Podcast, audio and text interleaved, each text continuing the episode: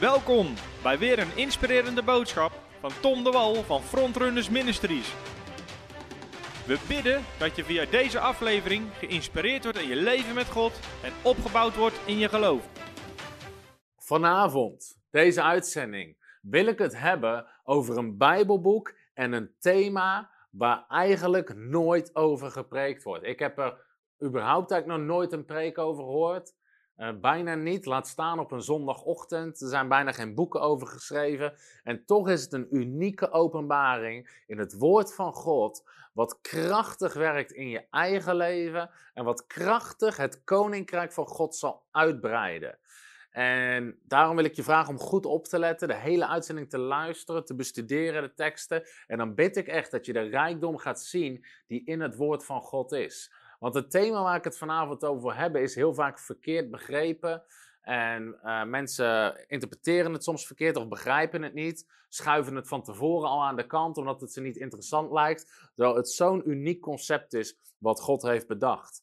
God heeft namelijk zijn koninkrijk hier op aarde geplaatst. En wij mogen allemaal, de Bijbel zegt in Colossense 1 vers 13, we zijn overgezet van het koninkrijk van de duisternis naar het koninkrijk van het licht. We zijn onderdeel geworden van dat koninkrijk.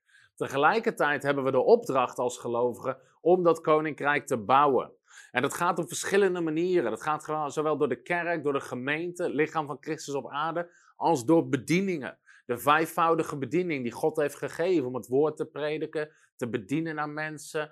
Dat is Gods model om dat koninkrijk ook uit te bouwen, om dat te verspreiden, om het zo maar te zeggen, waar iedereen ook weer een rol in heeft.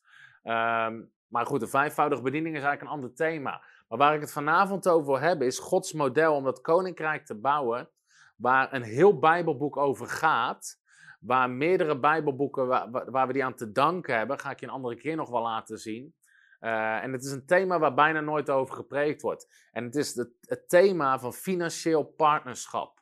En heel veel mensen weten niet wat het betekent. Nog veel minder mensen beseffen dat het een Bijbels model is, dat God het zelf bedacht heeft. En nog minder mensen weten dat het een gigantische zegen is, zowel in je leven als in het koninkrijk van God. Nou, hoe ik hierover geleerd heb, en we gaan vanavond gaan we dus een Bijbelboek bestuderen, dat is namelijk het boek 3 Johannes. En als je aan de gemiddelde christen vraagt waar gaat 3 Johannes over, hebben ze geen idee. Ik denk zelfs dat heel veel voorgangers geen idee hebben. Terwijl het hele Bijbelboek gaat over dat thema, omdat het zo'n belangrijk thema is. En daarom zie ik er ook naar uit om erover te delen. Nou, hoe ik hierover geleerd heb, is eigenlijk jaren en jaren geleden. Op een gegeven moment in uh, eind 2015, september 2015, riep God mij en mijn vrouw om frontrunners te starten. God riep ons vol tijd de bediening in. Nou, dat was uh, en het is nog steeds één groot avontuur wat dat dan gaat en ook qua financiën. En in die tijd, weet ik nog, we hadden niet zo heel veel inkomen, we hadden vrij weinig. En het was elke keer een geloofstap en een geloofsavontuur om rond te komen. En op een dag, toen uh, kregen we onverwachts kregen we een rekening uh, van iets van 1100 of 1200 euro. En we hadden dat geld gewoon niet, verre weg van, van zoveel geld. Hadden we gewoon niet, dat geld. En dus wij dachten, hoe gaan we ooit die rekening betalen? En ik weet nog dat, ik, ik dacht dat ik ga God geloven. En ik weet zelfs nog, ik stond onder de douche. En ik was zelfs onder de douche aan het bidden. Want ik had geen idee waar dit geld vandaan ging komen. Hoe ik aan dat geld moest komen om die rekening te betalen. Ik weet nog, ik stond onder de douche te bidden. Ik zeg, heer, ik heb geld nodig. Ik moet die rekening betalen. Ik wil niet in schuld zitten, dus ik wil die rekening betalen. En terwijl ik daarover aan het bidden ben, hoor ik de stem van God. En God zegt tegen me, Tom, word partner van die bediening. En God geeft me een, een bediening om partner van te worden en een bedrag. Het was iets van 35 euro of zo. En ik weet nog wat ik zei tegen God. Ik zei, Heer, u heeft me niet goed begrepen. U heeft me, denk ik, mijn gebed verkeerd gehoord. Ik heb net gezegd, ik heb geld nodig. Ik heb niet gezegd, ik heb geld over. Weet je, God sprak, geef geld weg. Terwijl ik heb geld nodig. Maar God sprak heel duidelijk, word partner van die bediening. Dat is het enige wat ik hoorde, qua stem van God. Niet van, uh, niks over die rekening, alleen word partner. Dat was de opdracht die God gaf. Dus ik ging naar mijn vrouw toe, ik zei tegen Fem, ik zeg Fem, ik weet dat we geld nodig hebben, ik weet dat die rekening daar ligt. Het klinkt heel gek, maar ik denk dat God dit zegt, dat we partner moeten worden van die bediening. Wat dat te maken heeft met die rekening, weet ik nu niet, maar dit is de opdracht van God. En we deden dat, we werden partner van die bediening voor, voor 35 euro of zoiets was het. En binnen twee dagen kregen we een gift op onze persoonlijke rekening van 1500 euro. En die gift was ruim genoeg om die rekening te betalen. En dat is hoe het koninkrijk van God werkt. Want de Bijbel zegt in Lucas hoofdstuk 6, vers 38, daar zegt Jezus: Geef en u zal gegeven worden. Een goede overlopende maat zal in uw schoot geworpen worden. Geef en u zal gegeven worden. Dus we gaven en er werd aan ons teruggegeven. En God leerde me daar het principe van partnerschap. En het is een heel krachtig principe, omdat wat ik daar leerde was dat uh, partnerschap ging er niet alleen over dat die bediening gezegend werd. Dat is het unieke. God heeft een win-win situatie bedacht. Die bediening werd gezegend en ik werd zelf ook gezegend. En dat is het mooie aan hoe het koninkrijk van God werkt. En partnerschap is zo, wat dat betreft, zo'n belangrijk thema, omdat we straks gaan zien hoe dit werkt in het koninkrijk van God. Maar wat heel belangrijk is, is om te beseffen dat. Nou goed, laat ik zo zeggen. Ik ben erachter gekomen dat heel weinig mensen weten iets over het thema financieel partnerschap. Weten niks eigenlijk over hoe bouwen we met, het, met bediening het koninkrijk van God. En ze kennen heel de term partnerschap niet. Ze weten niet eens dat het een bijbelse term is. Nou, heel veel omdat er weinig mensen weten wat partnerschap is en dat het bijbels is, zeggen mensen ook wel eens tegen mij, ook grote bedieningen tegen mij, zeggen, joh Tom, je moet niet het woord partner gebruiken. Je moet donateur gebruiken, want dat is wat mensen snappen. Maar er is een hele bewuste reden dat we bij frontrunners ervoor kiezen om het woord partner te gebruiken in plaats van het woord donateur. Omdat het namelijk een hele andere betekenis heeft. En ten tweede is partnerschap het woord partner is een Bijbels woord. Het is iets wat God in heeft gesteld. En we willen zo dicht mogelijk blijven bij het woord van God. En misschien kunnen we even de eerste dia erop doen. Dit is de definitie van een donateur, gewoon uit het woordenboek. Een donateur is iemand die een bijdrage geeft aan een organisatie met het doel dat die organisatie beter haar doel kan bereiken. Wat natuurlijk prachtig is. Het is prachtig als je een organisatie helpt om het doel te bereiken. Maar dit is wat partnerschap betekent. Dus gewoon in, de, in het woordenboek partnerschap opzoekt. Maar partnerschap is dus wat het woord van God ons geeft. Ga ik je straks laten zien. Partnerschap is een samenwerkingsverband tussen twee partijen. Een samenwerkingsverband tussen twee partijen. Met wederzijdse voordelen om een gemeenschappelijk doel te behalen. Nou, kan je al waarschijnlijk begrijpen waarom God het woord partner gebruikt. Ten eerste werken we samen om het koninkrijk van God te bouwen. God heeft een win-win situatie bedacht, waardoor, ondanks dat je geeft, het wederzijdse voordelen heeft. En we bouwen een gemeenschappelijk doel, dat is namelijk het koninkrijk van God, waar we mensen mee willen bereiken. Dus partnerschap is geen eenrichtingsverkeer. En ik wil met je gaan kijken dus naar het Bijbelboek 3 Johannes. Want dat hele Bijbelboek draait om het thema partnerschap. Nou, er zijn veel meer teksten in de Bijbel die gaan over partnerschap. En de komende tijd zullen we misschien nog wel wat uitzendingen erover doen, omdat het zo krachtig is. Het is zo'n rijk thema wat echt je leven gaat zegenen. Maar we gaan dus kijken naar het boek 3 Johannes. Nou, het boek 3 Johannes zit vlak voor het boek Openbaring. En als je, nogmaals, als je de meeste christenen zou vragen waar gaat 3 Johannes over, dan zullen ze het je waarschijnlijk niet kunnen vertellen. Terwijl, als je het boekje ziet, het is een van de kortste boekjes van het Nieuwe Testament. Want 3 Johannes heeft 15 versen. Dit is het hele Bijbelboek. Het hele Bijbelboek heeft 15 versen. Dus het is een heel kort Bijbelboek. En het Bijbelboek gaat erover en we gaan vier krachtige principes lezen uit het Bijbelboek. Waarvan als je die begrijpt, als die in je geest komen, zal het je leven veranderen. Dus ik beloof je, het gaat een zegen voor je zijn. Nou, het Bijbelboek 3 Johannes, je mag even de tweede slide opzetten. En uh, in 3 Johannes, het is de apostel Johannes, die al jarenlang met Jezus liep en inmiddels oud is geworden. Maar hij schrijft dit. En dit is even het eind van zijn brief. Het is vers 13 en 14 en 15. Hij zegt, dus is even het eind van zijn brief, er is nog veel meer wat ik zou willen zeggen. Maar dat wil ik niet doen met pen en inkt. Ik hoop u spoedig namelijk te zien. Dan kunnen we elkaar persoonlijk spreken. Vrede zijn met u. De vrienden hier groet u. Groet elk van de vrienden bij u persoonlijk. Nou, dit is wat Johannes zegt aan het eind van zijn brief. Hij zegt: Er is nog heel veel wat ik met jullie wil bespreken, maar dat komt allemaal wel als ik jullie binnenkort weer persoonlijk zie. Maar blijkbaar was er iets wat niet kon wachten totdat hij daar persoonlijk was om dat aan te halen. Wat is er zo belangrijk voor de apostel Johannes, waarmee hij niet wil wachten om dat neer te leggen bij die gelovigen voordat hij bij ze komt. Dat is het thema financieel partnerschap.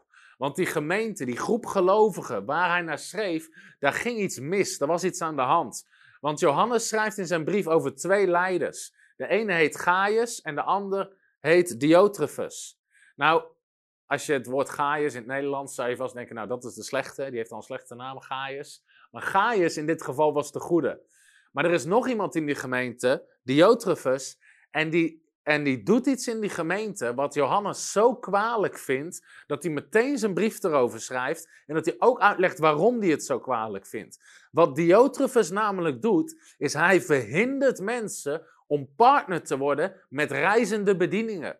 En de apostel Johannes, die hoort daarvan en die besluit om niet te wachten totdat hij daar is, maar het meteen te schrijven om dat te corrigeren in die gemeente. Hij zegt, de rest kan wel wachten, de rest bespreken als ik bij jullie ben. Maar dit is iets wat we nu al recht gaan zetten. Dus daarom, daarom zeg ik dat het een ontzettend belangrijk thema is. Nou, wat is er aan de hand? Je mag even het uh, volgende vers, of de volgende dia mag je even eh, in beeld brengen. Hier lezen we dat hij leidt zijn brief in. We gaan de hele brief lezen. Nogmaals, het is, uh, het is een heel kort uh, boek, boekje. Van de oudste, Johannes, aan mijn geliefde broer, Ga, broer, dat is Brabants. Aan mijn geliefde broeder, Gaius, die ik werkelijk lief heb. Geliefde broeder, ik hoop dat het u in alle opzichten goed gaat en dat u gezond bent. Dat het uw ziel goed gaat, weet ik. Want tot mijn grote blijdschap kwamen hier telkens weer broeders. Nou, die broeders zijn reizende bedieningen. Als je de context gaat lezen en ook in de grondtekst gaat kijken, heeft hij het over reizende bedieningen. Die van uw trouw aan de waarheid getuigden. Ze vertelden dat u de weg van de waarheid volgt. Niets verheugt mij meer dan te horen dat mijn kinderen in de weg van de waarheid wandelen. Nou, tot nu toe gaat het goed. Maar dan, dan, dan gaat hij iets aanhalen wat niet goed gaat. We gaan het volgende stuk lezen. Dat is vanaf vers 5. Zegt hij dit. Kostbare vrienden, jullie zijn trouw naar God wanneer je zorg draagt voor de reizende bedieningen. En ik lees hem hier eventjes vertaald uit de New Living Translation, want hij heeft hem heel krachtig vertaald. Jullie zijn trouw aan God wanneer je zorg draagt voor de reizende bedieningen die langs jullie komen. Ondanks dat je ze niet persoonlijk kent. Zij hebben mij namelijk verteld over uw liefdevolle vriendschap. Ik vraag je om alsjeblieft te blijven voorzien voor deze bedieningen. Op een manier die God waardig is. Want ze reizen voor God. En ze nemen niets aan van mensen die niet in God geloven. Dus wij zelf horen hen te onderhouden. Zodat wij hun partners mogen worden als zij de waarheid onderwijzen. Ik heb hierover geschreven naar de gemeente, maar Diotrephes, die ervan weer die ervan houdt om de leider te zijn, weigert iets met ons te maken te hebben. Wanneer ik kom, zal ik jullie vertellen over zijn daden en de kwade beschuldigingen die hij maakt naar ons. Niet alleen weigert hij reizende bedieningen te verwelkomen, hij vertelt anderen dat ze deze bedieningen niet mogen ondersteunen. Wanneer anderen deze bedieningen wel helpen, zet hij ze zelfs uit de gemeente. Hij zet ze zelfs uit de gemeente. Dit is waar het boek 3 Johannes over gaat. Nou, in dit boek zitten een paar hele krachtige lessen die we kunnen leren hier, omdat de apostel Johannes daarover schrijft. Het allereerste wat we moeten beseffen, en daarom vind ik het bijna jammer, want als je het zegt, ik ga spreken over uh, financieel partnerschap, zijn er heel veel christenen die afhaken, die onverschillig worden, zeggen, ah, daar hoef ik niks over te weten, of ik weet hoe dat zit, of joh, dat is toch niet zo belangrijk. Nee, het is belangrijk genoeg voor de apostel Johannes om er een brief voor uit te schrijven en uit te leggen wat er aan de hand is. Wat we moeten beseffen en wat God wil dat iedere christen weet, is dat financieel partnerschap, en wat ik bedoel met financieel partnerschap is gewoon bedieningen ondersteunen met financiën, is het model van God om het koninkrijk te laten floreren. En dit zien we al dat het begrip partnerschap is niet iets wat frontrunners uit heeft gevonden. Het is ook niet iets wat een of andere andere evangelist of prediker heeft uitgevonden. Of het begrip donateur, omdat ze geld nodig hadden. Dat ze dachten, jongen, jongen, jongen, wat kunnen we toch eens verzinnen? Nou, weet je wat, laten we werken met donateurs. Het is niet bedacht door mensen. Het is een concept bedacht voor God, wat al bestond in de tijd van handelingen en in de tijd van de apostel Johannes. Wat Gods concept namelijk is, is om zijn koninkrijk te laten floreren. Nou, het koninkrijk van God, iedere gelovige heeft daar een taak in. Maar we moeten ook beseffen hoe God ervoor heeft gekozen om dat te bouwen. Nou, ten eerste hebben we de lokale gemeente. Als het goed is, zitten de meeste gelovigen zitten ergens bij een lokale gemeente. Die hebben een groep gelovigen waarmee ze samenkomen. Vaak met een leiderschapsstructuur, met oudste voorgangers, wat dan ook. Nou, de gemeente is iets wat God bedacht heeft, is een structuur wat God bedacht heeft. Hoe wordt de lokale gemeente onderhouden? Is omdat de mensen die deel zijn van de gemeente daar bijvoorbeeld hun offers geven, hun offers brengen.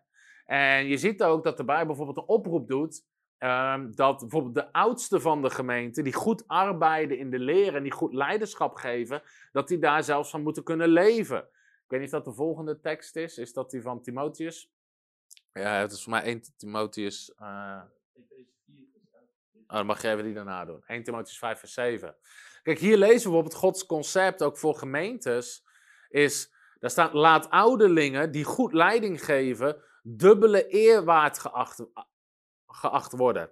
Vooral degenen die arbeiden in het woord en in de leer. Dus degenen die prediken en leiding geven, die moeten dubbel geëerd worden. Nou, dat dubbele eer spreekt over financiën. In andere woorden, die moeten daar gewoon voor betaald worden. Want dan zegt hij in vers 18, want de schrift zegt, een dorsende os mag u niet muilkorven. En de arbeider is zijn loon waard. Nou, wat is een dorsende os? Is een os die de oogst aan het binnenhalen is.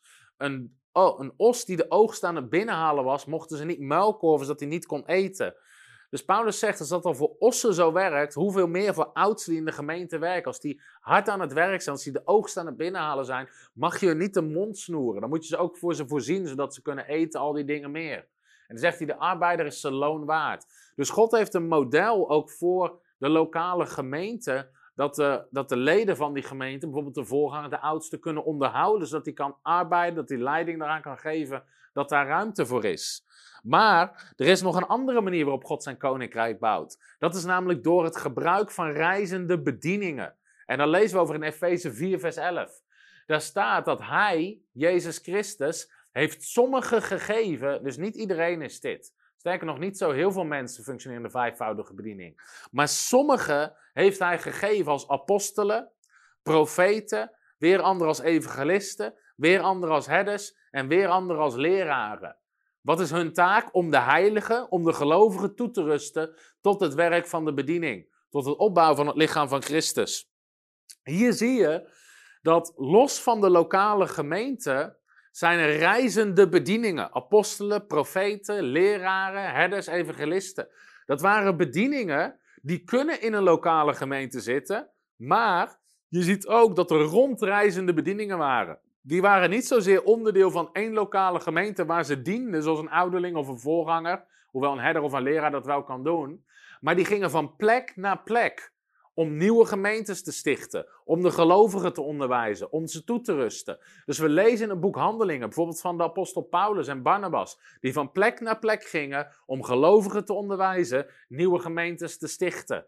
We lezen van rondreizende profeten in de Bijbel, die de gelovigen afreisden om ze te bemoedigen, om ze te onderwijzen. We lezen van leraren die rondtrokken en het woord van God predikten in de verschillende gemeentes. Dus er waren reizende bedieningen, wat als werkt als een overkoepelend iets, die na die lokale gemeentes en na die groepen van geloof gingen om ze toe te rusten. Zij zijn geroepen om de heiligen toe te rusten, om die heiligen te trainen. Dus je leest ook in dat boek 3 Johannes dat er reizende bedieningen waren die daar langskwamen om ze te zegenen, om onderwijs te geven, om te profiteren, om nieuwe gemeentes te stichten. En die bedieningen reisden rond. Nou, wat is het concept van God om die bedieningen te onderhouden? Ten eerste is het al heel belangrijk dat het principe van God, je mag even 1 Korinthe 9 mag even opzetten. Het principe van God is dat de mensen die dat doen, dat die ook onderhouden worden door de gelovigen. En Paulus schrijft erover in 1 Korinthe 9. Want in 1 Korinthe 9, vers 7 zegt Paulus, wie dient ooit in het leger en betaalt zijn eigen soldij of betaalt zijn eigen salaris? Nou, wij hebben twee mensen die uit het leger komen, die bij ons werken in de bediening, eh, die eh, bij Defensie hebben gewerkt. Maar die hoefden daar niet hun eigen salaris te betalen. Die werden betaald door de Nederlandse overheid, want die had ze in dienst genomen. Dan zegt Paulus, wie plant een wijngaard en eet niet van zijn vrucht? Nou, toevallig is mijn. eh, en dan zegt hij. Of wie wijdt een kudde en voedt zich niet met de melk van de kudde? Nou, toevallig is mijn schoonvader is akkerbouwer. En als die, de aardappeloogst binnen is, eten ze natuurlijk ook van hun eigen aardappelen. Spreek ik dit naar de mens? Of zegt de wet niet hetzelfde? Daar komt hij weer. Want in de wet van Mozes staat: een dorsende os, dus een os die aan het werk is, aan het oogst is, mag je niet muilbanden, die mag je niet muilkorven. Zegt God dit dan voor de ossen? Of zegt hij dit voor ons? Paulus zegt: dit zegt hij voor ons. Jawel, om ons is geschreven dat wie ploegt, dus wie aan het werk is voor het evangelie, in hoop hoort te ploegen, dus in de hoop aan het werk is, dat wie in de hoop dorst, dat hij de oogst binnenhaalt, dat hij ook een deel waarop hij hoopt, hoort te krijgen. Dus Paulus zegt, joh, als er mensen tot de Heer komen, worden gemeentes gesticht, wordt gewerkt in het evangelie, mag er ook een oogst, een materiële oogst uit voortkomen. Als wij bij u het geestelijke gezaaid hebben, is het dan te veel als we het stoffelijke of het materiële of eigenlijk het financiële oogsten? Paulus zegt, we zijn geestelijk aan het werk, maar is het te veel gevraagd als ook materieel gewoon van jullie geld oogsten? Weet u niet dat zij die de tempeldienst verrichten, onder het Oude Testament, waar de levieten, die voltijd de Heer dienden als priesters, die werkten in de tempel, die mochten ook van het heilige eten, van de offers die mensen brachten. En dat zij die steeds bij het altaar verkeren, hun deel ontvangen van de altaars. Zo heeft ook de Heer het, met het oog op hen die het evangelie verkondigen, opgedragen dat zij van het evangelie leven. Paulus is hier heel duidelijk. Mensen die het evangelie prediken, mensen die daarvoor geroepen zijn, die reizende bedieningen, moeten er ook van kunnen leven. Als ze geestelijk zaaien, mag er ook een materiële en financiële oogst uit voortkomen. Sterker nog, en dit is iets wat heel veel gelovigen zich niet beseffen, maar het woord van God verplicht hun om terug te zegenen de bedieningen die hun zegenen. Daarom zegt Paulus ook het volgende in Galaten hoofdstuk 6, vers 6. Daar zegt Paulus dit. Hij zegt, wie onderwijs krijgt, hij komt als goed in beeld. Daar zegt Paulus, wie onderwijs krijgt, laat hij die onderwezen wordt in het woord van God, in alle goede dingen of van al zijn bezit, delen met hem die onderwijs geeft. Dus Paulus zegt, mensen die onderwijs ontvangen, die zijn verplicht, die moeten terug beginnen te delen van hun bezit, van hun materiële bezit, met degene die onderwijs geeft. Dat is een, het is zelfs een verplichting uit het woord van God. Dus je ziet dat um, financieel partnerschap, dus wat is Gods model voor die rondreizende bedieningen? Want die hebben geen gemeente die iedere week bijvoorbeeld een collecte ophalen. De model, het model van God is dat alle gelovigen die door zo'n bediening gezegend worden, omdat die bediening langstrekt, en of dat nou vandaag de dag fysiek is, of dat ze naar je kerk komen, of zoals nu via social media, via YouTube, hoe die bediening ook langskomt in je leven, als die bediening jou geestelijk voedt, als die bediening geestelijk in je leven zaait, als die bediening je onderwijst en je wordt daar gezegend door, dan zegt Paulus, dan ben je verplicht om terug te geven, terug te zaaien in die bediening, zodat het werk van het evangelie gedaan wordt. Want die rondreizende bedieningen, die hebben niet één groep gelovigen, hebben geen lokale kerk die hun onderhoudt maar die zijn afhankelijk van het hele lichaam. Dus je ziet dat het principe van partnerschap, dus dat bedieningen op basis, regelmatige basis, zien we Paulus bij de Filippenzen, is een andere brief. Maar Paulus zegt dat de, uh, dat, de Filippense gemeente, dat hij hem regelmatig giften toestuurde, zodat hij zijn werk kon doen. Dus die waren partner van Paulus. Die stuurden hem regelmatig giften, zodat hij zijn werk kon doen. Dat, was, uh, dat waren bijvoorbeeld partners van Paulus. Zelfs Jezus uh, had partners. Gaan we andere uitzending nog wel zien. Maar dat was Gods model. Dus dat is het eerste wat we zien in deze brief van Johannes. Dat partnerschap is niet iets wat uitgevonden is rond het jaar 2000. Omdat een of andere uh, christelijke stichting geld nodig had. Nee, het is een model van God. Wat God heeft verzonnen. Partnerschap is iets wat God heeft bedacht. Om zijn koninkrijk te bouwen en te laten floreren. Dus dat is zo belangrijk. En we mogen ook weten, en dat is het tweede punt. We mogen even 3 Johannes 1, vers 6. Mag je even opzoeken. Het tweede punt is dat Paulus zegt: Ik vraag je om, of sorry, Johannes, de apostel Johannes zegt: Ik vraag je om alsjeblieft te blijven voorzien voor deze bedieningen op een manier die God waardig is. Ik vraag je om alsjeblieft te blijven voorzien voor deze bedieningen op een manier die God waardig is.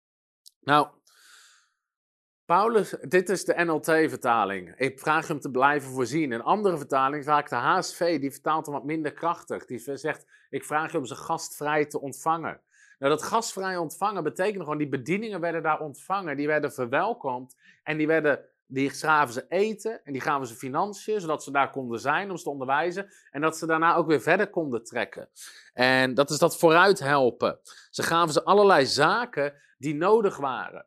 Dus dat is het principe van God. Dat een bediening komt langs bij een groep gelovigen. Nogmaals, of dat nou is door middel van hun boeken, hun video's, wat er ook was. Paulus met zijn brieven. Of dat ze fysiek langskomen om conferenties of samenkomsten te doen. Dus die bediening komt daar om de, om de mensen te zegenen. Om ze te onderwijzen, om naar ze te bedienen. En het model van God is dat de mensen die die bediening ontvangen, die daar gebruik van maken, ze weer verder helpen. Dus die zegenen die bediening weer, zodat die bediening weer verder kan. En op die manier groeit het koninkrijk van God.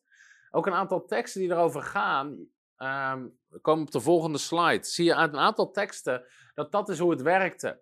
In Romein, nou, Paulus schrijft naar de gemeente in Rome.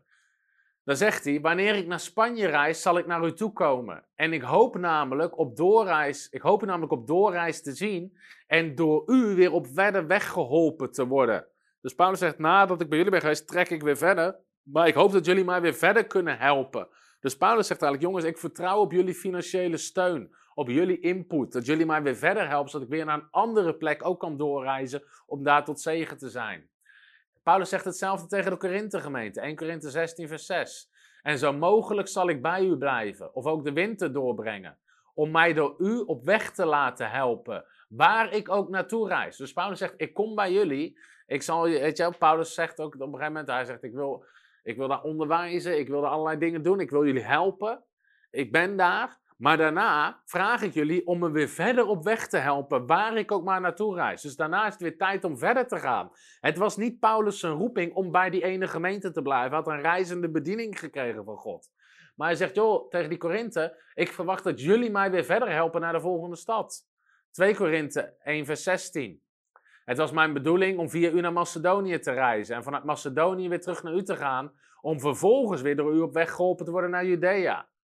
Titus 3 vers 13. Rust Zenas, de rechtsgeleerde, en Apollos goed toe voor hun reis, zodat het hun aan niets ontbreekt. Dus Paulus schrijft ook, er gaan een aantal bedieningen langskomen, Zenas en Apollos, maar die moet je weer toerusten voor hun reis, zodat ze weer verder kunnen. Dus je ziet hier dat partnerschap, en dit is de wijsheid die God heeft bedacht, Partnerschap is de manier om het koninkrijk van God en de bediening van Jezus op aarde weer verder uit te bouwen.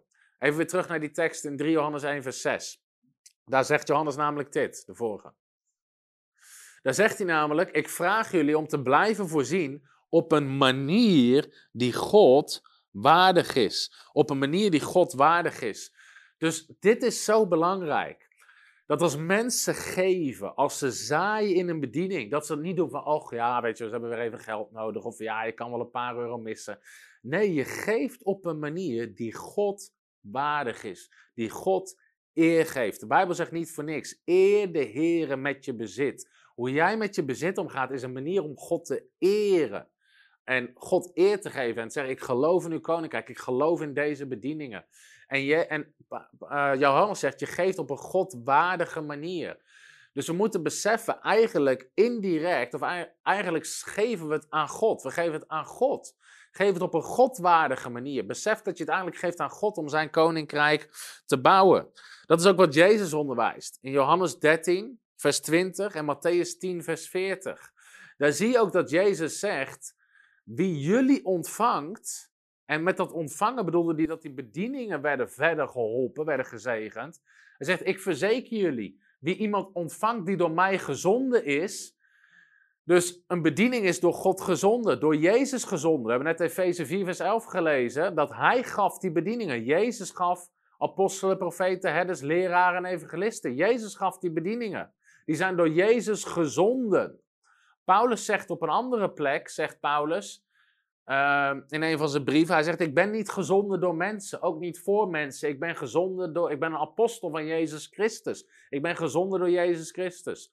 Dus Jezus zegt, wie iemand ontvangt die door mij gezond is, die ontvangt mij. En wie mij ontvangt, ontvangt hem die mij gezonden heeft.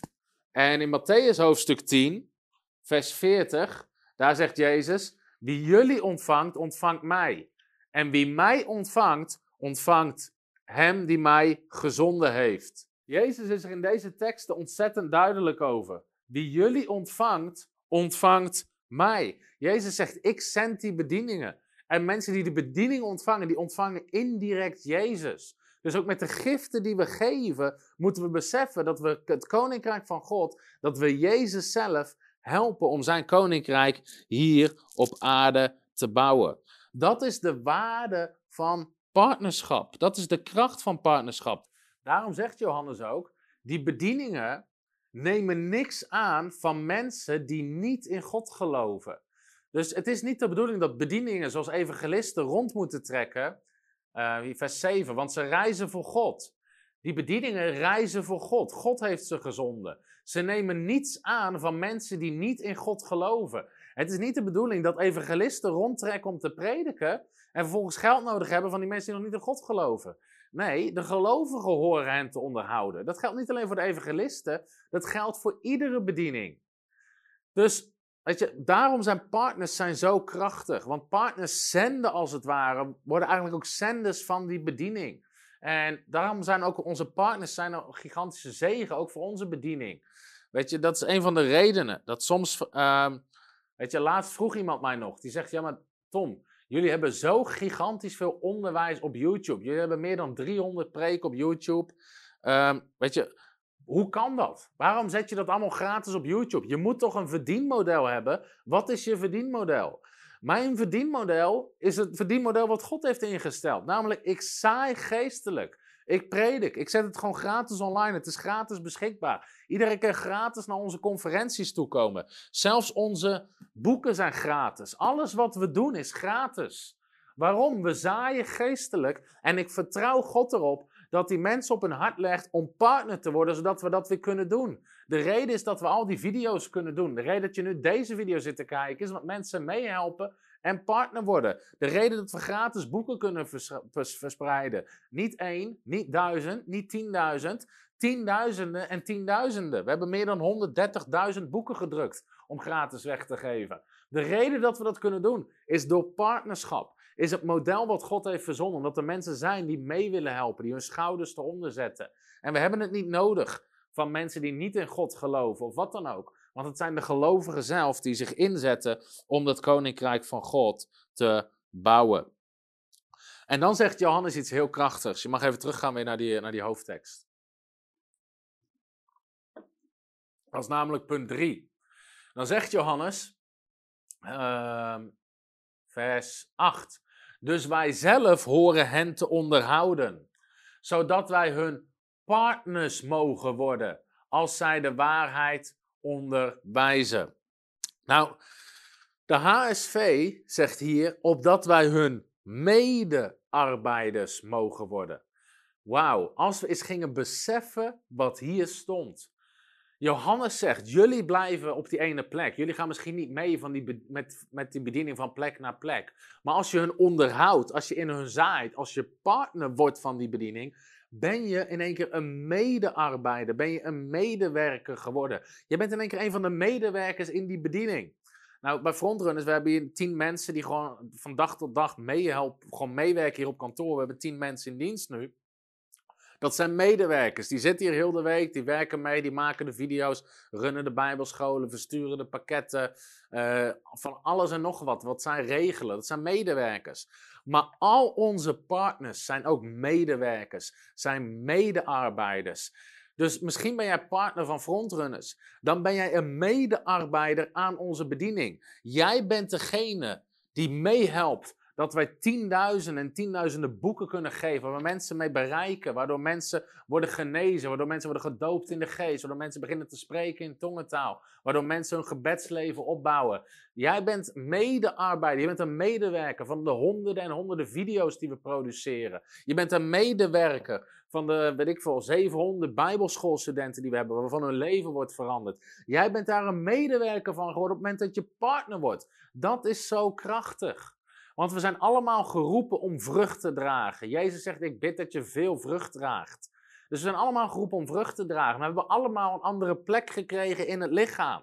Misschien is het niet jouw taak. Heeft God jou niet geroepen als vijfvoudige bediening? Als leraar, als apostel, als profeet. Om het woord van God te prediken, te bedienen naar mensen. Is dat niet je taak? Maar je kan wel een medewerker worden. Je kan daaraan meewerken door in zo'n bediening te zaaien. En dan krijg je ook deel aan de vrucht van die bediening. En dat is het geheimenis van partnerschap. Dat is de rijkdom. Als jij later in de hemel komt en je bent partner geweest van frontrunners, komen de mensen komen misschien naar je toe en die komen je bedanken. Die zeggen, joh, bedankt. Ik ben door frontrunners ben ik tot geloof gekomen. Door frontrunners je, is mijn leven op zijn kop gezet. Ben ik bereikt met het evangelie. Ben ik op mijn bestemming gekomen. En dan denk je misschien, waarom bedanken ze mij? Omdat jij een van de medewerkers was. Jij was een van de medearbeiders, want je was een partner. Je was aan het meebouwen. Partnerschap, daarom is het zoiets anders dan een donateur.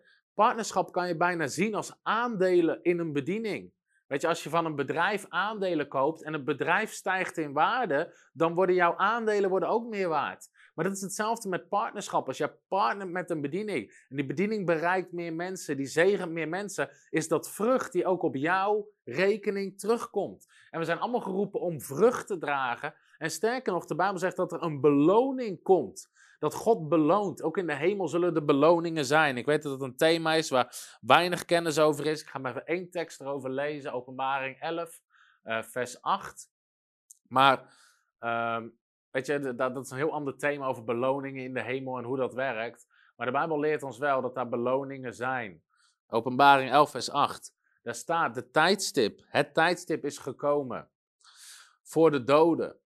Om, om geoordeeld te worden en om het loon te geven aan uw dienstknechten, de profeten en aan de heiligen. De tijd is gekomen om voor de doden om geoordeeld te worden en om het loon te geven, om de, beloning te geven aan uw dienstknechten, aan de profeten en aan de heiligen. Dus er komt een moment waar God loon geeft, waar God beloont. Nou, waarop word je beloond? Op de mate van vrucht die je gedragen hebt in je leven of je gehoorzaam bent geweest. Maar door partnerschap, dat is zo uniek, kan je ook meedelen zeg maar, in de vrucht van een bediening. Want dat is hoe God het bedacht heeft. En dat is een schitterend, schitterend concept om dat te beseffen. Nou, wat was er aan de hand hier in deze gemeente? Het probleem wat er was, dus we hebben nou gezien dat partnerschap is niet iets van de, van de 21ste eeuw, het is verzonnen door God. Partnerschap bouwen we mee aan het koninkrijk van Jezus. Door partnerschap worden we medearbeider. We krijgen mededeel aan de vrucht. En er was nog iets. En daar, dat is iets waar we waakzaam voor moeten zijn. Dat is namelijk nummer vier. Mogen even de, mag je even de laatste uh, tekst opzetten uit 1 Johannes? Sorry, ja, 3 Johannes. In de gemeente waar Johannes naar schrijft, was er namelijk een probleem. Dan staat dit, 3 Johannes 1, vers 9. Ik heb hierover geschreven naar de gemeente. Maar Diotrefus, die ervan houdt om de leider te zijn, weigert iets met ons te maken te hebben. Dus die negeerde de apostel Johannes. Wanneer ik kom, zal ik jullie vertellen over zijn daden en de kwade beschuldigingen die hij maakt naar ons. Niet alleen weigert hij reizende bedieningen te verwelkomen, hij vertelt anderen dat ze deze bedieningen niet mogen ondersteunen. Wanneer ze deze bedieningen wel helpen, zet hij ze zelfs uit de gemeente. Nou, wat was het grote probleem? In die gemeente is het, er is iemand die partnerschap tegenwerkt. Die man, genaamd Diotrefus, die werkte actief die reizende bedieningen tegen. Ten eerste, als ze langskwamen, ontving die ze niet. Wat betekent, hij gaf ze niks. Hij was niet gastvrij. Hij gaf ze geen geld. Hij gaf ze geen eten. Hij hielp ze niet verder. Hij ontving ze helemaal niet in die gemeente. Sterker nog, hij verbood alle andere gelovigen om die reizende bedieningen niet te ondersteunen, niet te helpen, geen partner te worden, geen eten te geven, niet te ontvangen. En op die manier deed hij iets wat zeer kwalijk was in de ogen van God en in de ogen van de apostel Johannes. Want de apostel Johannes zegt, deze bedieningen zijn vanuit God uitgegaan. Ze zijn door God geroepen. Ze nemen niks aan van de heidenen. Ze zijn niet gekomen om ons te zegenen. En dan is er iemand in die gemeente die dat tegenwerkt, die dat afhoudt en die zelfs anderen verbiedt. En de apostel Johannes. Dus er werd misbruik gemaakt van het financieel partnerschap. Er zat iemand waarvan ik geloof dat hij geïnspireerd werd door een demonische geest. En ik weet dat dat hard klinkt, maar ook vandaag de dag in de kerk zijn er mensen die geïnspireerd worden door demonische geesten om het koninkrijk van God als het ware tegen te houden dat het uitbreidt. Deze man was onderdeel van de gemeente, hij was daar een christen. Maar er was iets in zijn hart met hebzucht of jaloezie, waardoor hij niet kon uitstaan dat die andere bedieningen langskwamen en gezegend werden. Dus hij weerhield dat. En ook vandaag de dag zijn er mensen die ten eerste niet willen partneren met bedieningen, maar die daar zelfs tegen zijn. Ook als ik kijk soms de reacties die we krijgen met frontrunners. En weet je, echt letterlijk alles wat we doen is, is bij wijze van spreken gratis. Er zijn maar twee uitzonderingen. Dat is bijbelschool.tv voor afstandsonderwijs. Onze parttime school kunnen mensen hier gewoon helemaal gratis volgen. Dus iedereen die hem gratis wil volgen, kan hem volgen. En onze business school. En de reden daarvan is omdat we alleen serieuze mensen willen hebben die echt door dat traject heen willen gaan. Maar voor de rest, alles is gratis. Al onze preken zijn gratis. Onze conferenties zijn gratis. Onze boeken zijn gratis. Weet je, we, zijn, we geven gewoon gratis boeken weg. Weet je, ik, ik ken bij niemand anders die dat doet. Alles is gratis. En nog steeds krijgen we boze reacties van mensen. Vanwege het feit dat we soms offers ophalen op conferenties. En het feit dat mensen partner kunnen worden en de gelegenheid krijgen om te geven. Mensen maken je voor van alles en nog wat uit. Maar je moet weten, dat zijn niet mensen. Het is een demonische geest. Het is dezelfde geest als die Diotrefus had. Die het koninkrijk van God en reizende bedieningen arm wil houden, zodat ze geen impact maken. Want hoe meer geld je hebt in het koninkrijk van God, en ik weet dat wij vaak niet op die manier denken als Nederlanders, maar het is wel zo, hoe meer impact we kunnen maken. De reden dat wij impact kunnen maken, nu door deze video en door de honderden andere video's, is omdat we hier een complete studio hebben met 1, 2, 3, 4, 5, 6, 7 camera's. Wat we goed kunnen streamen. Dat er nu gewoon een betaalde medewerker achter de knoppen zit, die alles zit te regisseren, die het verwerkt die al die dingen doet. De reden dat we impact maken met al onze gratis boeken, is omdat we ze kunnen drukken, is omdat we ze kunnen betalen, is omdat we ze kunnen opsturen. Weet je, degene die dat opstuurt, we krijgen honderden bestellingen per week. Er zit hier iemand gewoon die krijgt salaris om alle bestellingen te verwerken, om de pakketten te versturen. Al die dingen kosten geld. Maar door dat geld kunnen we impact maken in het koninkrijk van God, kunnen we mensen zegenen. Ondanks dat we al die dingen gratis doen, zijn er nog steeds mensen die kritiek hebben op het feit dat er offers op worden gehaald of partnerschappen worden, om, dat mensen de uitnodiging krijgen om partner te worden. Dat is een demonische geest die in het koninkrijk, die in, het kerk, in de kerk waar vaak werkt, om mensen arm te houden. Wij hebben letterlijk kritiek gekregen als bedieningen, als bediening omdat we een voorganger zegenden waarvan zijn auto kapot was gegaan met een nieuwe auto. Krijg je kritiekmails van christenen die dat niet vinden kunnen. Als dat in je hart zit, als je er tegen bent dat een voorganger een goed vervoersmiddel krijgt, als je er tegen bent dat mensen gewoon zo geholpen worden, dan is het, dat is een demonische geest. Die mensen ervan wil weerhouden, die bedieningen arm en klein wil houden. Maar ik geloof dat God in deze tijd een ander soort uh, denken op laat staan. Dat we niet met erin zitten, hoe kunnen we beknibbelen op het koninkrijk, maar hoe kunnen we het koninkrijk van God bouwen? Hoe kunnen we meer impact maken? En dat we beseffen dat geld, gewoon financiële middelen, daar een onderdeel van zijn. Ook van Jezus lezen dat hij geld gaf aan de armen. Dus weet je, het is gewoon een middel om mee te zegenen, om impact te maken. En dus toen in die gemeente was er iets aan de hand Waardoor die Diotrefus dat niet wilde. En Johannes zegt: Dit is zo belangrijk. Ik wacht niet tot ik bij jullie ben om dit recht te zetten. Ik schrijf nu een brief. Dit moet nu hersteld worden. En daarom bid ik ook zeg maar, dat deze waarheden over financieel partnerschap hersteld gaan worden in Nederland. Want zoals ik al zei, je hoort er nooit een preek over. Je, hoort, je wordt nooit voorgelezen uit 3 Johannes. Het hele begrip partnerschap hoor je nooit van. Terwijl het een bijbels model is. Het is een win-win situatie die God heeft gecreëerd. De bediening wordt gezegend. Jij wordt gezegend. Wist je dit? Paulus zegt in Filippenzen 4, vers 19: Mijn God zal voorzien in alles wat u nodig hebt, overeenkomstig zijn rijkdom in heerlijkheid door Christus Jezus. De belofte, God voorziet in alles wat je nodig hebt. Heel veel mensen zeggen: Amen, dat ontvang ik. Wist je dat Paulus die belofte niet random doet? Die belofte doet hij aan partners van het evangelie. Want Paulus zegt eerst in Filippenzen 4: Jullie hebben me regelmatig geld toegestuurd voor de bediening. Nu ben ik in alles voorzien. Ik heb alles wat ik nodig heb. Nu zal mijn God jullie voorzien in alles wat je nodig hebt. Paulus had het gewoon over zaaien en oogsten. Partnerschap is een win-win situatie. Jij wordt ermee gezegend, Gods voorziening stroomt jouw leven in, want je geeft en je zal gegeven worden. Uh, en daarnaast bouw je het koninkrijk van God. Je krijgt deel aan die vrucht van de bediening. Het is één grote win-win concept. Die bedieningen kunnen doorreizen, kunnen meer vrucht dragen. Dat is hoe God het bedacht heeft. En dat is hoe krachtig het principe van financieel partnerschap is. Dus partnerschap en reizende bedieningen zijn niet nieuw. Het is de manier om Jezus zijn koninkrijk en de bedieningen verder op aarde uit te breiden.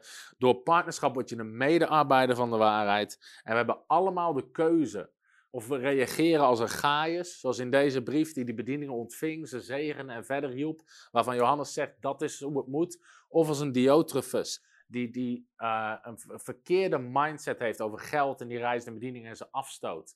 Maar volgens de apostel Johannes is het zo belangrijk en is het een belangrijke waarheid die hersteld moet worden. En daarom geef je ook onderwijs over. Daarom heb ik dit boekje ook geschreven, Leven door Geven, wat je ook gratis kan bestellen. Gaat over dit thema, waardoor je zal zien hoe krachtig dat is. En ik wil je meteen iets uitleggen over partnerschap bij frontrunners, hoe we dat uh, omdat, nogmaals, ik heb laten zien, het is een Bijbels principe. En ook mensen kunnen bij frontrunners partner worden. En ik wil je daar kort uitleg over geven, ook zodat je weet hoe het werkt. En ook zodat je hoort hoe we jou willen zegenen. Ten eerste is het goed om te weten wat voor bediening we zijn. Dus wat onze missie is. Je mag er eerst even opzetten. De missie die God ons gegeven heeft is Raising Up Frontrunners. Wij geloven dat God in deze tijd een groep gelovigen op laat staan die radicaal zijn voor het koninkrijk. Paulus schrijft hier over in 1 Korinthe 9. Hij zegt: ren de wedloop om hem te winnen. Dus geef alles wat je hebt. En wij, zijn, wij, wij, wij ervaren dat we geroepen zijn om mensen te helpen om ze te trainen, om ze toe te rusten, om hun wedloop te lopen, om hun race te rennen. Daarvoor willen we ze trainen en toerusten. Hoe doen we dat? Ten eerste door te preken, meer dan 200 keer per jaar. Dat is onze methode. Preken we het woord van God. In allerlei samenkomsten, conferenties, binnenland, buitenland, Voice of Faith uitzendingen, bijbelscholen, zondagdiensten. We prediken het woord van God. Dat is, dat waar God ons voor geroepen heeft. We houden eigen conferenties en bijeenkomsten. Dus we hebben genezingsdiensten, we hebben bevrijdingsdiensten, we hebben Heilige Geestconferenties, geloofconferenties, uh, businessconferenties. Om in elk gebied frontrunners op te richten en ook daar te zijn voor de noden van mensen. Mensen die bevrijding of genezing nodig hebben. Multimedia, we hebben meer dan 300 video's op YouTube staan. Gewoon openbaar met onderwijs over allerlei thema's. Om mensen toe te rusten en constant geestelijk te voeden. Boeken en magazines. Ik, uh, ik heb vier boeken geschreven. Dit jaar hoop ik er ook weer twee uit te brengen. En we hebben 135k, dus 135.000 boeken hebben we gedrukt om gratis weg te geven. Waarom? We willen nooit dat financiën een hindernis is. Dat mensen een boek niet kunnen betalen of wat dan ook. Daarom doen we ze gewoon gratis. Om zoveel mogelijk mensen te zegenen en impact ermee te maken. De boeken zijn niet gratis. Weet je, wij moeten die boeken betalen. We moeten ze drukken, we moeten ze uitgeven, al die dingen meer. Maar daarvoor hebben we partners die ons helpen. We hebben bijbelscholen. We hebben meer dan 800 studenten die onze we hebben een driejarige part-time bijbelschool, ja 1, 2 en 3. We hebben een online bijbelschool, bijbelschool.tv. We hebben een business school. We hebben meer dan 800 studenten die in dat bijbelschooltraject zitten. Dus meer dan 800 mensen die we daardoor op dit moment trainen in het Koninkrijk van God. Uh, daarnaast doen we wereldwijd, doen we outreaches, zendingsreizen, campagnes. Dus uh, als er geen corona is, zitten we meestal vier tot zes keer per jaar in het buitenland. En daarnaast doen we allerlei dingen voor ministry. Dus gewoon bedienen aan mensen. Terwijl je dit zit te luisteren, terwijl je dit zit te kijken, zijn onze gebedslijnen, onze telefoonlijnen zitten open. Dus terwijl ik hier aan het preken ben, wordt er ondertussen gebeden voor mensen. Die bellen voor bevrijding, genezing, doop in de geest, al die dingen meer. We hebben genezingsdiensten, bevrijdingsdiensten. Waarom? Willen bedienen aan mensen, willen de kracht van God introduceren, willen ze helpen en willen ze zegenen. Dus dat is even, dat is eigenlijk onze methode, hoe we die frontrunners aan het oprichten zijn. Nou, verder wat we, uh, je mag de volgende slide even opzetten. Wat is onze korte termijn visie? We hebben enorm veel visie. Ik geloof in het hebben van visie en dat God visie geeft. Maar waar we druk mee bezig zijn om nog meer impact te maken. Dus we zijn ons team aan het uitbouwen. Dus we hebben nu tien mensen in dienst. Maar we hebben eigenlijk hebben gewoon veel meer mensen nodig. Omdat er zoveel werk in de bediening is. Um, dus we willen komend jaar nog uh, sowieso drie à vier mensen voltijd erbij in dienst nemen. Ehm, daarnaast willen we, eh, worden de boeken vertaald naar het Engels en op termijn naar andere wereldtalen. We gaan ook Engelse video's maken, omdat we enorm veel aanvraag krijgen uit het buitenland. En ook daar willen we mensen zegenen en bedienen. We zijn bezig om een voltijd bijbelschool op te zetten. Een school die mensen traint voor bediening. Dus we willen een nieuwe generatie voorgangers, predikers, herders, evangelisten, profeten willen we oprichten. Ook ondernemers en mensen die uh, uh, functies willen vervullen in de maatschappij, functies van invloed. Dus daarvoor gaan we een voltijd bijbelschool. Zijn we nu aan het stichten. Uh, zijn we mee bezig aan de achtergrond om dat te organiseren. Um, zodat we een nieuwe generatie predikers en bedieningen en mensen die impact gaan maken op Nederland en op de wereld kunnen trainen. Via die Bijbelschool, die studenten, willen we kerken en bedieningen gaan starten. Dus nieuwe kerken stichten, uh, nieuwe bedieningen stichten om het koninkrijk van God te bouwen. Daarnaast zijn we onze mediatak aan het uitbouwen, dat er ook interviews, getuigenissen, uh, worship, dat dat er allemaal bij komt. En willen onze worship-tak willen we uit gaan bouwen. Zodat eigenlijk de worship ook nog meer ondersteunend wordt aan, uh, aan het woord. Dus dat we ook nummers gaan schrijven, bijvoorbeeld bij, als er een nieuw boek uitkomt, dat er ook een mini-album bij uitkomt. Omdat vaak als mensen erover zingen, uh, dat ze beter meer, meer gaan beseffen, dat ze hun denken ermee kunnen vernieuwen. En dat we gewoon nog meer mensen kunnen helpen ook om, om te aanbidden. Uh, dus dat is even onze visie waar we korte termijn mee bezig zijn. Dus ik vind het wel belangrijk als mensen partner worden of partner zijn, dat je weet waarmee zijn ze aan het werk, waar zaai ik in. Want je wil zaaien in goede grond, want goede grond zorgt voor een goede oogst. Nou, als jij nog geen partner bent van Frontrunners, wil ik je van harte uitnodigen. Word partner. Help ons mee. Word een medearbeider van de waarheid en help ons om het koninkrijk van God te bouwen. Dat kan je doen op verschillende manieren.